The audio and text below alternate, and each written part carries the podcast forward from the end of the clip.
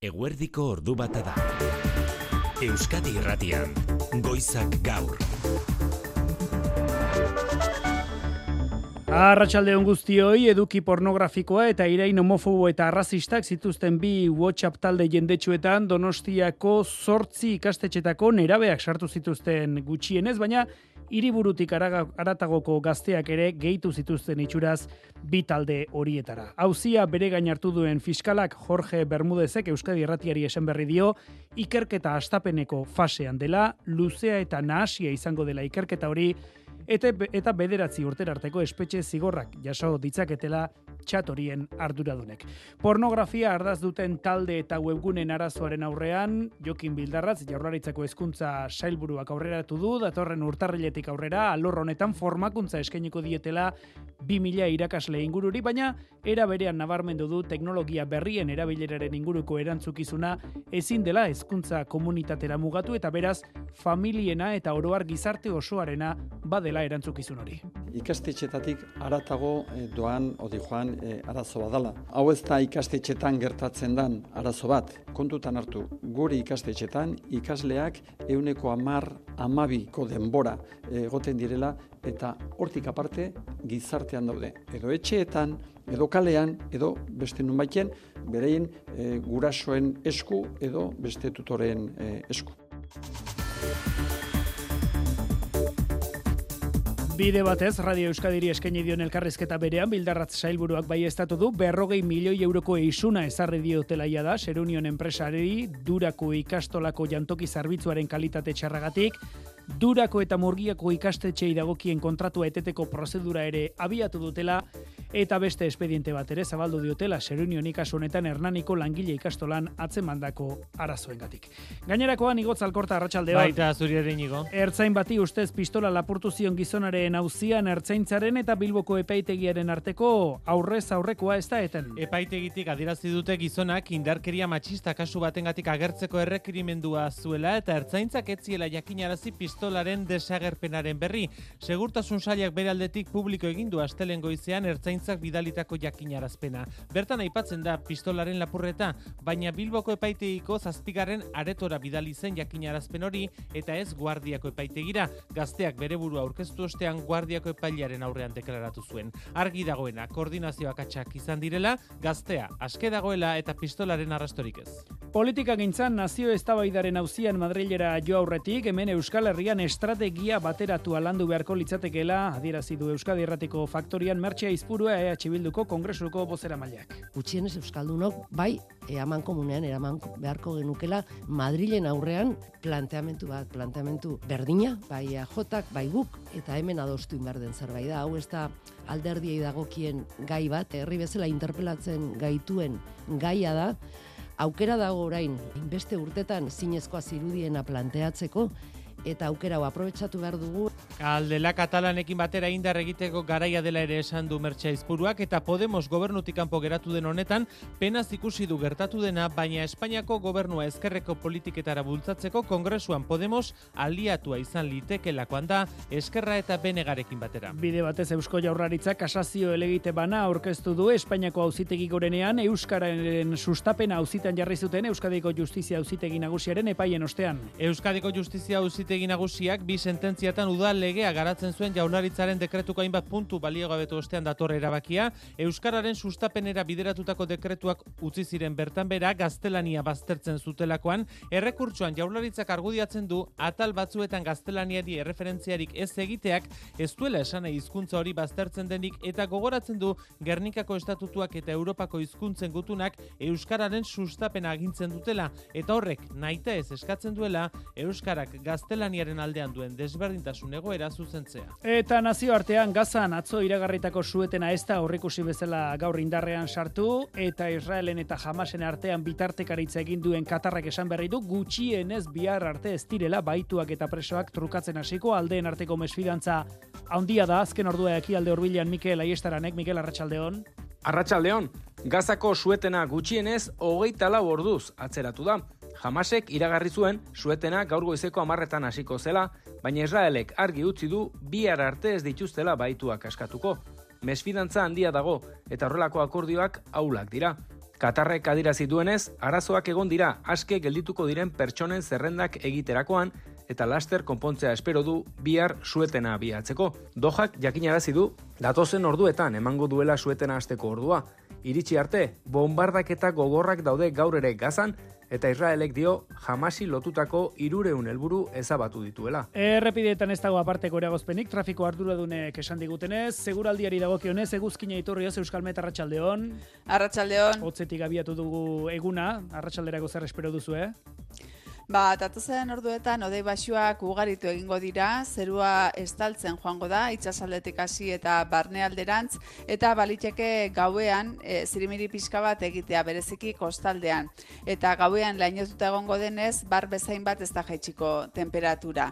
Une honetan adibidez, amairu gradu ditugu Bilbon, Baiunan eta Donostian amabi eta Iruñan eta Gazteizen bederatzi. Biharkoari dagokionez, erra aurreratu zenezake? Ba, odei ugari izango da egun osoan, ez eta arratsalde partean zertxo bait arinduko duen, eta euri langar pixka bat egin dezake egitekotan dena den gutxi egingo du, eta eguneko temperatura maksimoetan ez aldaketarik izango. Ederki, kiroletan Jose Maria Paola za, arratsaldeon. Arratsaldeon inigo. Saski balo jardunaldia ondo hasi dute Euskal Talde Europan. Bai, Bilbo Basketek biribildu egin duelako multzuen fasea parte Eskozian jokatutako sei partidak irabazi egin ditu gaur Gernika Montpellierren pistan izango dugu eta bihar Euroligan Baskonia Monako. Ivanovicek gaur esan du taldeak aurpegi berriak behar dituela azken aldiko emaitzak onak izan badira ere. Bihar gazteizko kirolzaleak aukeratu egin beharko du, ze Baskonia Monako bakarrik ez, gainera alabesen futbol denboraldiko partiarik garrantzitsuenetako batero badu. Alabesek bihar gazteizen Granadaren kontra jokatuko du. Eskubaloian, bidasoako arduradunek jendaurrean baiestatu dute, kuetara entrenatzaileak ez duela karguan jarraituko. Kuetarak, talde barruko mugimentuak argitara atera izana gaitzetsi dute, aginagaldean nahiek. Zaila izango da, demoraldi bukerara iristea, zatik eta horren bistago izanik, baina berez karguan jarraituko du. Eta urdaibaiko lemari eutxita jarraituko du, gaur gurekin izango den patroi arrakastatxuak, gorka aranberrik, zortzi kontxa ditu, aita Manuel zena baino, ez du aurretik bederatzirekin. Ordu bat atardietatik aurrera, augusti eta gehiago kirolegez saioan Euskadi irratian, eta ordu biterdietatik aurrera kultur lehioan, Manu etxe sortu, arratsaldeon. Kaixo inigo. Jakintzen bide gurutzean erakusketa aurkeztu dute gaur, donostiako tabakaleran, artea, zientzia, teknologia eta gizartea lortu dituen, lotu dituen erakusketa. Bai, asmamen makinak onela deitzen zieten berpizkundetik aurrera zientziaren aurrerapenak bultzatutako asmakizunei. Ba, filosofia horretan oinarrituta eta gaur egungo erronkei lotuta lau prototipo erakutsiko dituzte tabakaleran, instalazio artistiko gisa, arteren bitartez, robotika, neurozientzia edo nutrizioak dituzten erronkak azalduko dituzte Clara Montero, tabakalerako kultura zuzendari. Erakusketa hau, tabakalerak ekoitzitako lau prototipo berrik osatzen dute, lau artistek, Laura MM, Marina Otero, Elsa Iranzo eta Maia Vicentek gidatu dituzten lan prozesu bizi baten emaitzak direnak hain justu. Lan horren adibide bat adibidez, azukrearen gehiagizko menpekotasuna erakusten duen instalazioa. Elkarrekin aritu dira lanean artista, zientzialaria eta sukaldaria. Jakintzen bidegurutzen erakusketa zabalik donosteko tabakaleran bihartik aurrera, erakusketaren arira inigo, itzaldiak, aurrentzako tailerrak eta bisita gidatuak izango dira. Azaroak hogeita irugarrena du gaurkoa, teknikan eta errealizazioan leire karrera eta xabi iraola ordu bata eta ia, bederatzi minutu. Euskadi irratian, goizak gaur. Inigo alustiza. Aurreratu dizkizuegun gaiei heldu aurretik hitz egin dezagun hondakinen inguruan, bost urtean Euskadik erdira murriztu baitu industria hondakin ez arriskutsuen isurketa. Hala, jakinerazi du gaur goizean Jaurlaritzako garapen, jasangarritasun eta ingurumen sailburuak hondakinen kudeak eta planaren betetze mailari buruzko agerraldian. Hondakin gutxiago sortzeko bidean beraz aurrerapena nabarmena izan da tapiaren esanetan, baina Ez da oraindik lortu, zaldibarren itxierak eragindako arazoa konpontzerik. Euskadi urtero laureun mila tona ondakin bidaltzen baitu erkidegotik. Kanpora mertxe etxe berria Arratxaldeon. Arratxaldeon, tapia sailburuak azaldu duenez, kudeak eta eraginkorragoak eta ondakinen isurketa zigortzen duen kanonak ahalbidetu dute, tratatu gabe zabortegira eramaten den ondakinen isurketa gutxitzea. 2018tik gona, euneko berrogeita bederatziko jeitxiera, kanon horri esker gainera amabi milioi euro jasoko da aur aurten ondakinak murrizketa, ondakinen murrizketa espero baino azkarrago doa tapiaren esanetan, baina ez da lortu zuzentzea zaldi, zaldibarren itxierak eragindako arazoa. Eta egia da, e, ez goazela e, pentsatu bezala. Guztiak pres baleude, izango genuke nahiko kapazidade ba, behar ditugun zabortegieta eraman behar ditugun zaborrak eraman izateko. Izan ere, zortzi zabortegia unditzea aurre ikusten zen eta bakarrean gauzatu da ampliazio hori mailabiko bete arten bigarren batean hartxandan aurten gauzatzea espero da. Neurri batean zabortegi faltak eraginda bidaltzen dira kanpora urtero laureon mila tona ondakin, en, kopuru osoaren euneko seiterdi litzateke, hala ere ez da dena tratatu gabeko ondakina asko tratamentu instalakuntzetara doa esaterako olioa eta etxe bat botatzen degunean edo obra bat bukatzen danean, residuos de construcción y demolición o demolición y construcción esaten dana, guzti hori kudeatzeko ere nahiko instalaziorik ez daukagu. Beraz, hori kanpora eramaten da. Birziklatu egiten da eta valorizatu egiten da, baino beste leku batean. Eta e, nik uste behar beharrezkoa dela, ba, guztiok e, konstiente izatea, hemen sortzen dana, hemen kudeatzeko almena izan behar dugula, eta hemen valorizatzeko almena izan behar dugula. Ez dira eta berriro diote instalazio arriskutsuak eta behar beharrezkoa da bakoitzak bere erantzukizuna hartu eta aurrera egitea. Erantzukizunerako deia egin du hortaztapiak udalek valorizazio instalakuntzak baimendu ditzaten adibide jarri du bergarako balogrin. Ondakinen kudeak eta planaren betetze maila bataz beste euneko hogeita amairukoa da, sailburuak jakinarazi duenez, hortik bera dagoala ere amiantoa bildu eta kudeatzeari dagokiona errolda hogeita amairu udalek egin dute, berreunek ez dute oraindik ez diote oraindik lan horri heldu eta bestetik ba amiantoa jasotzeko eta zigilatzeko e, ziegak hiru lurraldetan beharko lukete eta bakarrik Bizkaian dago erabilgarri. Hauek guztiak ba hondakinen kudeak eta planaren betetze mailari buruz Jaurlaritzako Arantxa Depe sailburuak gaur goizean eman dituen azalpena gainerakoan jada 8 ikastetxetako ikasleen artean atzeman dituzte eduki pornografikoa eta arrazista partekatzeko zabaldu diren txatak batez ere Donostiako ikasleak sartu zituzten talde horietan baina hiriburutik harago gazteak ere badira itxuraz eta hiru txat desberdin lirateke ikerketapean daudenak naiz eta gehiago ere izan daitezke. Ertzaintza eta esko jaurlaritzako hezkuntza saila uziaren peskizan dira atzodanik eta Jokin Bildarratz sailburuak kezka azaldu badu ere nabarmendu du honakoa ez dela ikastetxetara soilik mugatzen den auzia gizarte mailakoa mailako arazoa baita Ider berri Arratsaldeon. Arratsaldeon bai orain arte gutxienez esandakoa Donostiako 8 zentrotan atzeman dituzte chat polemiko horietan dauden ikasleak baina Donostiako mugetatik aterata lezon ere badira kasuak adibidez. Ertzaintzak ikerk ikerketa zabalik du erne dabil eta ikastetxei eskatu die gurasoen salaketa jaso ditzatela, zentralizatu ditzatela, ondoren eurei helarazteko, familiei eta tutorei berriz, ikaslekin hitz egiteko eskaria ea txatorien parte diren edo ez argitzeko eta baldin badira irten daitezela eskatzeko. Aur pornografia zabaltzeagatik zigor kodeak bost eta bederatzi urteko espetxe zigorrak aurre ikusten ditu eta kondena areagotu egin liteke, biktima kopurua areagotzen bada, Gipuzkoako lurralde auzitegiko delitu informa informatikoen fiskalak ikerketa abian du oraindik astapenetan ertzaintzarekin ari da lanean Jorge Bermudez fiskala eta luze joko duela dio eta korapilatxua izango dela ere badio. Erakunden arteko elkarlana garrantzitsua izango da Gipuzkoako foru aldunditik bali abideak eskaini dizkie ikastetxei baina hezkuntza saietik jokin bildarratzek argi dio. Ikastetxek bakarrik ez hezkuntza komunitateak familiek eta gizarteak berak daukatela auzi honetan erantzukizuna. Baina kontutan hartu guri ikastetxetan ikasleak euneko amar amabiko denbora egoten direla eta hortik aparte gizartean daude. Edo etxeetan, edo kalean, edo beste nun baiten, berein e, gurasoen esku edo beste tutoren e, esku.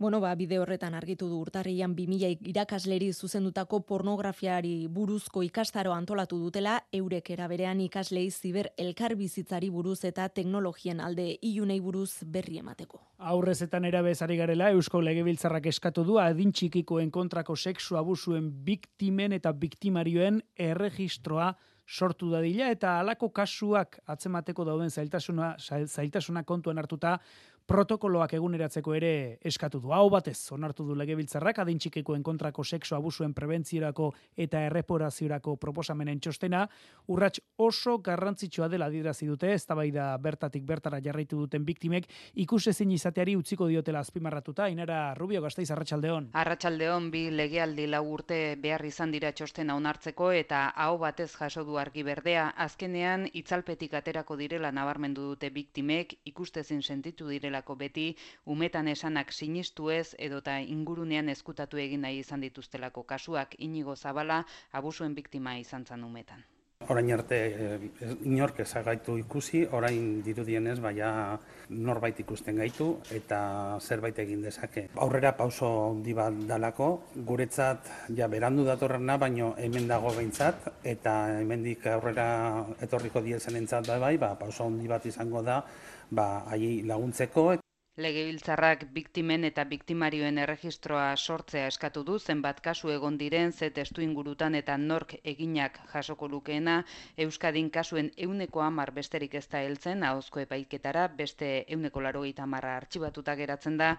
Prozedura judizialak egokitu epaitegietan aurrentzako gune atseginak sortu eta behin behinean adintxikikoen sexu abusuentzako instrukzio epaitegiak sortzea proposatu du. Hezkuntzan osasungintzan ertzaintzan justizian protokoloak eguneratzea eta alor horietako profesionalen formakuntza indartzea, azkenik Elizari egindako mina aitortzeko eskatzen dio legebiltzarrak. Indarkeria matxistaren biktimak hartatzeko satebi telefono zerbitzuan bestalde euneko iruro gehi dei gehiago jaso dira azken sei urteetan. Batez ere, seksu indarkeriarekin lotutako deiak dira, hasi direnak, eraso gehienak gainera, konfiantzazko eta gertuko eremuan izaten dira, baina baita lan eremuan ere, Marijo Deo Gracias, Arratxaldeon. Arratxaldeon bai, berdintasun zailak nabarmendu du emakumeen kontrako sexu indarkeriaren goranzko joera. Emakumeen kontrako indarkeria desagertzeko nazioarteko egunaren atarian egindako jardunaldietan izan da. Satebi telefono zerbitzuan jasotako deiek erakusten dute azken sei urtetan, eguneko irurogei dei gehiago jaso direla bosteun bat dei.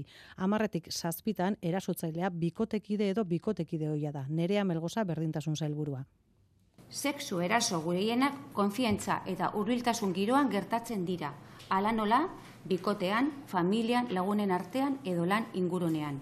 Egoera horretan, biktimak erredun eta bakarrik sentitzen dira.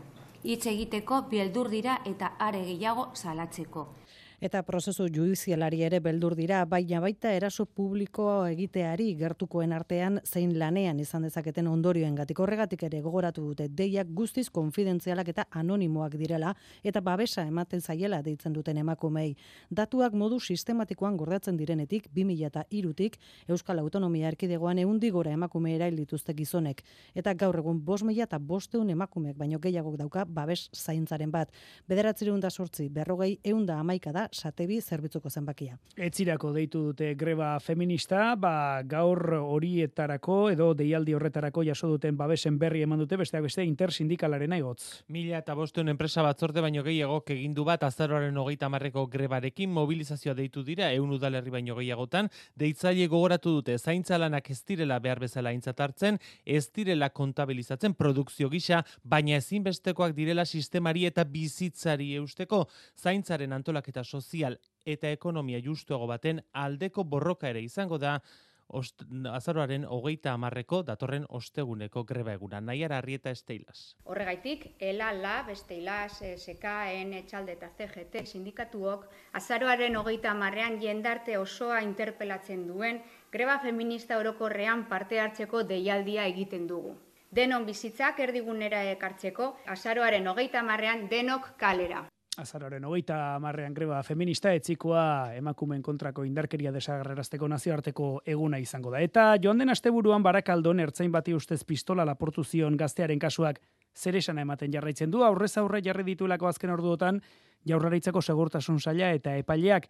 Izan ere azken orduotan, segurtasun sailak berretsi du, epaitegiak pistolaren inguruko ikerketaren berri bazuela informazio edo indarkeria matxista kasu batekin lotuta, Aldiz, epaitegietako iturriek diote informazio hori ezitzaiola jakinarazi guardiako epaileari gaztearen aurrera eraman zutenean, maialen arratibel, arratsaldeon. Arratsaldeon bai, alde batetik, gaur goizeko lehen orduan, segurtasun saiak publiko egin du ertzaintzak Bilboko epaitegietara bidalitako dokumentazioa. Bertan jasotzen da, indarkeria matxistagatik atxilotzea agindua zeukan emeretzi urteko gazteari, egosten ziotela, barakaldon, ertzain baten etxetik kargatutako pistola bat lapurtu izana, eta txostenean gainera, zehazten dute armaren lapurreta hori tarteko, maia gorenera igoziotela bikotekide oiari hogeita lau orduko babes poliziala. Beraz, segurtasun saietik diotena da, epaiek bazutela egoeraren berri. Zer erantzuten dute epaitegitako iturriek?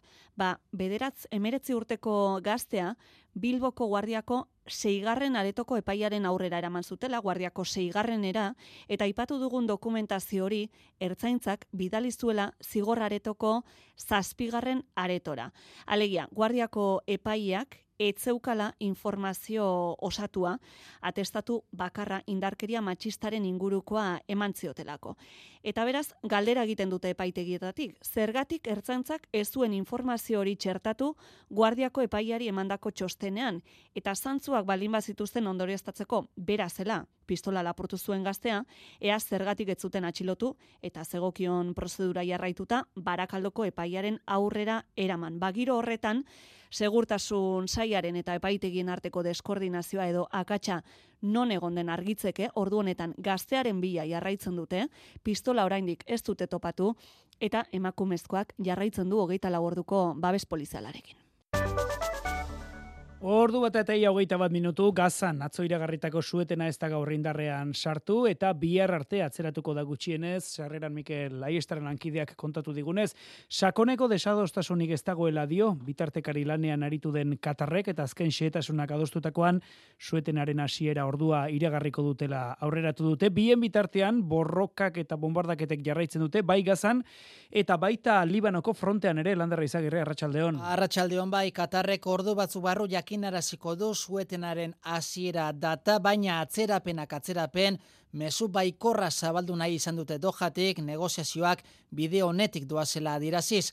Akordioa berez itxita dago, baina baituen eta presoen askatasuna, noiz eta nola gauzatu zehaztu behar da, baita izenen zerrenda ere. Israelen esanetan milizia palestinarrek ez dute bihar arte bintzat, baiturik askatuko eta bitartean kalez kaleko borroken irudiak zabaldu ditu jamasek.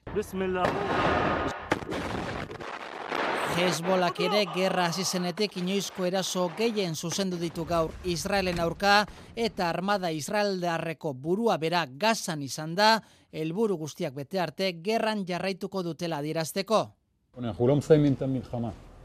dirazteko. Israelgo armadak azkenik Al-Shifa ospitaleko zuzendaria ere atxilotu du Gaza iparraldetik ego alderun zioanean horri erantzunez, jamasek eten egin du nazio batuen erakundearekin zaurituen evakuaziorako zuen koordinazioa.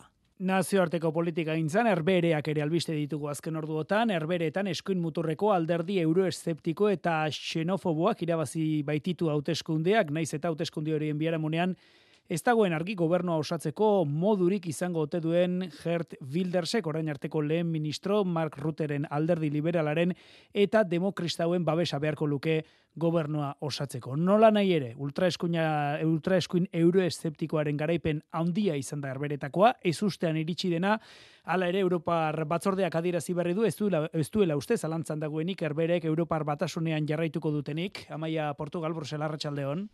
Arratsaldeon bai Brexit hitzari omenaldia eginez edo Nexit hitza ezagun egin du hauteskunden garaiean garaileak horri buruz galdetuta Bonderleienen bozera mailak aditzera emandu ez daudela kezkatuta erbereak Europar Batasuneko estatukide sendoa direla hasiera hasieratik. Eta oroar hauteskunde batzuek ez dutela areagotzen Europar Batasunetik ateratzeko arriskua. Erik Mamer. We continue to count on the Netherlands uh, strong participation in, um, in the Kontuan izan behar da gainera, Gert Bildersek lehen ministro izatea lortzekotan, zentro eskuineko hainbat alderdirekin egin beharko duela koalizioa, tartean Mark Rutte jarduneko lehen ministroaren alderdi liberalarekin, migrazio politiketan oso zorrotza ura ere, baina inola ere ez euroesteptikoa. Ikusteke ultraeskuinak erberetan gobernatzea lortzen duen, nola nahi ere, Bildersek alderdiaren, Bildersen alderdiaren gisakoen goraldia agerikoa da Europan ere, Viktor Orban Ungariarra izan da bartain zuzen ura zoriontzen aurrenetakoa, zer eta Scorpions taldearen Win of Change kanta gogora ekarrita, aldaketa datorrela iradokita. Hausnarketa egin du France Info irratikatean, Bruno Lemer, Frantziako ekonomia ministroak, Europako ultraeskuina beldurra kapitalizatzen ari dela iradokiz. Crainte face aux flux migratoires. Ça se traduit par des poussées extrémistes partout en Europe. C'est Vox en Espagne, c'est l'AFD en Allemagne. Ukrainako gerraren ondorioek ekonomiaren gainberak eta migrazioak eragindako beldurra hain zuzen. Etxeko politika gintzan, EH Bilduk ikusten du legealdi honetan nazio eztabaidaren auzian urratxe egiteko aukera, baina Madrilera jo aurretik Euskal Herrian estrategia bateratua landu beharra dagoela uste du Euskadi Erratiko Faktorian, Mertxea Izpurua, koalizioaren kongresuko bozera maileak adirazi digu Eusko Aldare jeltzaleak eta EH Bilduk auzi honetan batera jokatu beharko luketela. Podemos Espainiako gobernotik kanpoan geratuta bestalde, kongresuan Sánchez Ezkerrera bultzatzeko aliatu izan litekeela Podemos ere adirazi digu aizpuruak, Mikel Arregi, Madrid Arratxaldeon. Arratsaldeon Euskadi Irratiko Faktorian mertxea izpuruak esan du legealdi berri honetan aukera historikoa ireki dela lurraldetasunaren inguruan hitz egiteko alderdikeriak alde batera utzita alderdi katalanekin eta Eusko Alderdi Jeltzalearekin elkarlanean aritzea proposatu du eta orain Podemos sumar talde parlamentariotik aldendu dela eta emeretzi diputatuko blokea proposatu du legealdia ezkerrera mugitzeko. Emeretzi diputatuz osatutako eh, talde bat, ez? Euskal Herria Bildu, BNG, RC eta Podemos kasu horretan. Beraz, e, bloke horrek nik uste e, eragina egiteko, ba, baliogarria izango dela, ezkerreko politikak aurrera eramateko. Behin ministroen kontseilutik irten da eta Yolanda Diazekin harremanak izoztuta Podemos bere kabuz lan egiteko pres da. Ez dute baztertzen sumarrek Podemoseko bost diputatuak talde parlamentariotik kanporatzea eta testu inguru honetan Jone Belarrak dio. Podemos va a trabajar con total autonomía política y parlamentaria en este Podemosek en este bere congreso. autonomia politikoa mantenduko duela eta aurreko legealdian bloke subiranista aurrerakoia osatzen zuten taldeekin elkarlana berreskuratu nahi dutela. Bide horretan, Belarrak ez du baztertu, pesoerekin negoziazioak abiatzea aurrekontu akordio baterako. Amnistia legeren aurka bestalde eta justiziaren independentziaren defentsan elkarretaratze egin dute eguerdian justiziarloko profesionalek Bilbon eta Gasteizen. Bilbon berrogeita inguru batu dira eta aner uriarte epaile dekanoa buru zutela elkartu uriarteko hartarazi du interes politiko mesedetan onartu duten amnistia legeak arriskoan jartzen duela Espainiar estatuan botere banaketa ziurtatu baitu berme guztiekin zigortu zituztela prozeseko auziperatuak aner uriarte. Guk esan nahi dugu, zigor prozesu horiek zuzenak izan direla, berme guztiekin. Eta gure kezka da, gaur egun, independentzia judiziala arriskuan izan daitek. Bale? Eta Eusko Legebiltzarrak behin betiko onartu du gaur Euskadiko suhiltzaileen lana arautuko duen legea, lege propioa izango dute beraz suhiltzaileek eta adostasun maila handiarekin onartu dute gainera Legebiltzarkideek, asu narozenak onen xetasunak. Bai suhiltzaileen ordezkaritza zabala izan da gainera legea onartzerakoan, ez zuten orain arte legerik eta horixe bera azpimarratu du Josu Erkoreka segurtasun sailburua. Arauketa zehatzagoa, gaurkotuagoa eta osatuagoa egiten du eta aurrera pauso nabarmena da inolako zalantzari gabe. Orain beraz eh, profesionalizatuko da suhiltzaileen lana, ez dira voluntarioak onartuko, agintaritzaren agentetzat hartuko dira, behar beharrezkoa denean etxe edo lokal batean indarrez sartzeko almena ere izango dute, ibilgailu bat mugitu edo leku zaldatzeko, bide publikoa mozteko, eta emakumezkoen presentzia areagotzeko lau plazati bat emakumeentzat gordeko da. Erditu ondoren, bi urtez beste lan batzuetan aritzeko eskubidea ere izango dute.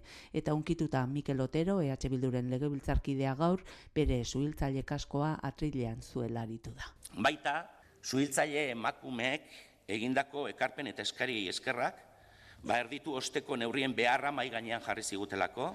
PP eta Vox ditu egin dira, gainerako alderdi politiko guztiek egin dute legearen alde. Eta hurbileko informazioari dagokionez, Bilbon, zorroz aurreko irlaren iralaketan mugarria ezarri nahi duen parke teknologikoa datorren urteko udaberrian hasiko dira eraikitzen. Gaur egin dute aurkezpena Jaurlaritzak Aldundiek eta Bilboko udalak eta Tarabusi enpresaren egoitza zena izango da parke berriaren oinarri. Janire Gerenabarrena Bilbo Arratsaldeon. Arratsaldeon bai Tarabusi eraikinean izango du Euskadiko Parke Teknologikoaren Bilboko kanpusak egoitza nagusia egungo pabiloia eraitzi eta berria eraikiko dute itxura mantenduta eta bigarren eraikin bat altxatuta Juan Mari Aburto Bilboko alkatearen hitzetan zientzia, teknologia eta berrikuntza sektorearentzako mugarria izango da. Geuretzako oso pausu garrantzitsua da. Zorrotza aurreko peninsula industriala irla berritzaile eta dinamiko bihurtu duen proiektu baten garapena ekarriko duelako. Bos mila iruron metro kuadroko eraikin berrian kokatuko da baik adimen artifizialeko Euskal Zentrua ere estibali zernaez teknologia eta berrikuntza zailburu ordean. Tarabusin Bilboko kampuseko egoitza e, egongo da. Gaur egungo pabilloaren estetika respetatuko da eta eraikin bat erantziko zaio mendebaldeko fatxadari. Eraikinean, baik, Euskadiko Adimen Artifizialeko zentroa ere kokatzea aurre ikusten da. Udaberrian abiatuko dira lanak eta 2008 zeiko udaberrirako amaituta izate aurre ikusten da. Ordu bat atardiak jo berriak.